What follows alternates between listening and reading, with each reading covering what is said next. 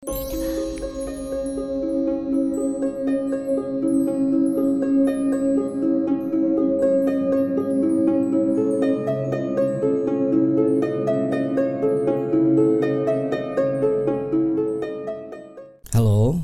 ketemu lagi di Rumah Horor Indonesia. Dan kali ini um, saya pengen ngomong ini. Kira-kira ya tempat-tempat mana yang bisa jadi merupakan tempat paling horor ya di rumah kamu? Iya, di rumah kamu. Apakah kamu pernah merasakan seseorang menatapmu saat kamu sedang tidur? Mungkin memang dia ada di sana, menemanimu, menjagamu, dan mungkin menginginkanmu. Yang pertama adalah cermin. Hari sudah larut, hanya bulan yang terlihat menerangi jalanan sepi yang kamu intip dari balik korden jendelamu. Saatnya tidur. Kamu berjalan perlahan ke kamar mandi dan berdiri di depan wastafel. Kamu mencuci wajahmu, menikmati lembutnya busa sabun menari-nari di kulit wajahmu. Kamu menutup mata dan mengusap-ngusap busa di wajahmu. Lalu mengambil air di tanganmu. Tiba-tiba air terasa dingin seperti es. Kamu merasa dingin. Bulu kudukmu merinding dan kamu pun segera menghapus sabun dari wajahmu. Bergegas untuk membuka mata. Udara dingin membelai belakang lehermu dan kamu merasakan seseorang. Sesuatu berada di belakangmu, mengawasimu. Kamu bisa merasakannya menatap intens sekarang. Kamu pun buka mata perlahan dan menatap ke cermin. Terlihat matamu menatap kembali. Wajahmu dijaluri rasa takut. Kamu merasa lega. Kamu pun tersenyum. Air masih menetes dari wajahmu. Kamu menyeka wajah dengan handuk. Melihat sekali lagi ke cermin. Mematikan lampu dan berjalan keluar. Kamu menutup pintu kamar mandi, sedang bayanganmu tetap berada di cermin dan tersenyum. Yang kedua, di bawah tempat tidur. Perasaan lelah dari pekerjaan hari ini memaksamu untuk segera mendaki ke atas tempat tidur. Kamu meraih selimut yang terletak di kaki tempat tidur ketika tiba-tiba suasana ruangan berubah menjadi muram. Kamu merasakan kehadiran yang aneh di ruangan dengan lampu yang telah meredup itu.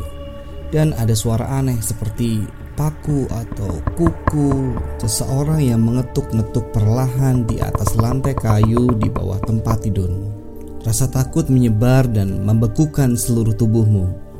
Kamu pun berusaha menyalakan lampu dengan segala keberanian tersisa yang ada di ujung jarimu.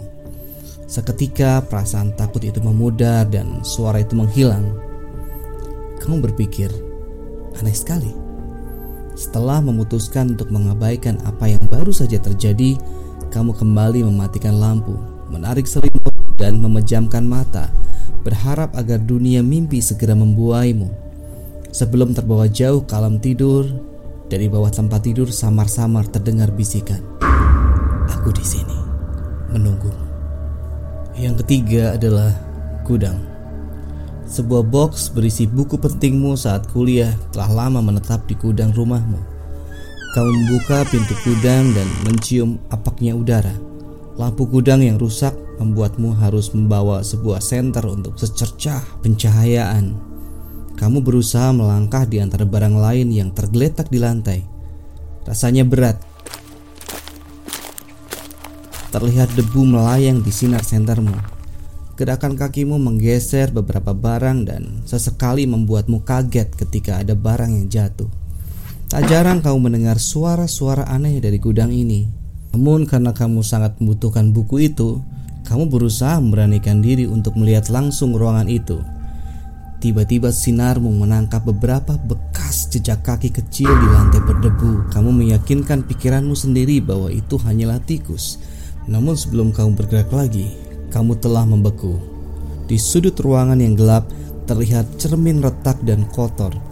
Dalam refleksi itu ada sosok di sampingmu yang memiliki wajah yang sangat mengerikan. Saking mengerikannya wajah itu, sampai sekarang pun kamu masih bisa mengingatnya dengan jelas. Nah, ini yang mungkin tidak semua rumah ada, tapi kalau yang punya hati-hati. Yang keempat adalah lubang intip. Terdengar ketukan keras di pintu apartemenmu. Kamu pun mengecilkan suara TV-mu dan berjalan menuju pintu. Kamu menoleh melihat jam. Hmm, ini sudah tengah malam. Siapa yang bertamu jam segini? Kamu bertanya, siapa? Namun tidak ada jawaban.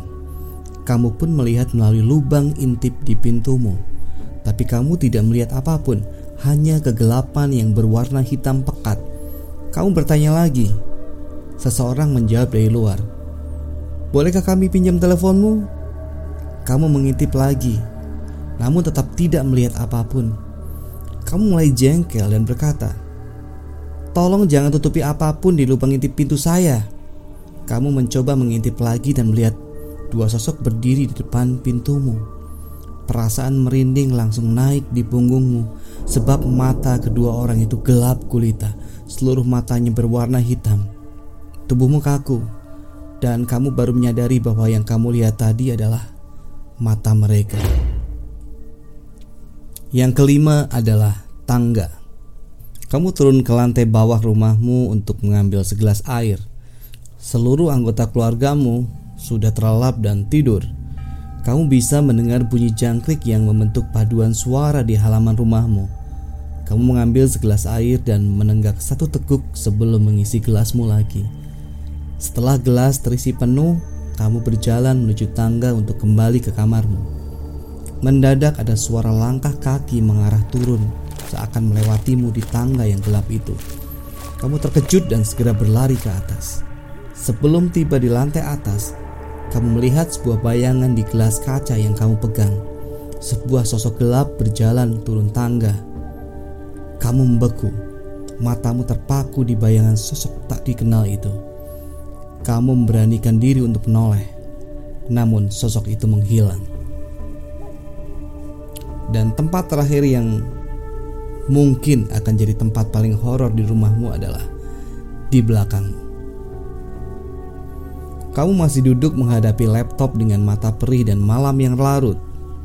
Sebuah laporan yang harus kamu selesaikan sebelum besok memaksamu terjaga di malam ini. Tubuhmu mulai merasa lelah dan kamu hanya ingin merebahkan tubuhmu di tempat tidur. Untuk membunuh kejenuhan, kamu membuka Facebook dan membuka profil sahabat lamamu yang mengalami kecelakaan. Dia telah menghilang sejak lama dan tidak pernah aktif lagi di Facebook. Baru-baru ini kamu mengetahui bahwa ia tidak bertahan dan telah pergi ke tempat yang lebih baik. Kalian tahu ya maksudnya ya. Kamu berpikir kamu sangat merindukan dirinya dan berharap ia masih ada di dunia ini. Tiba-tiba sebuah notifikasi chat Facebook berbunyi. Udara dingin menjalar di belakang lehermu. Pesan dari sahabatmu yang sudah meninggal itu berbunyi.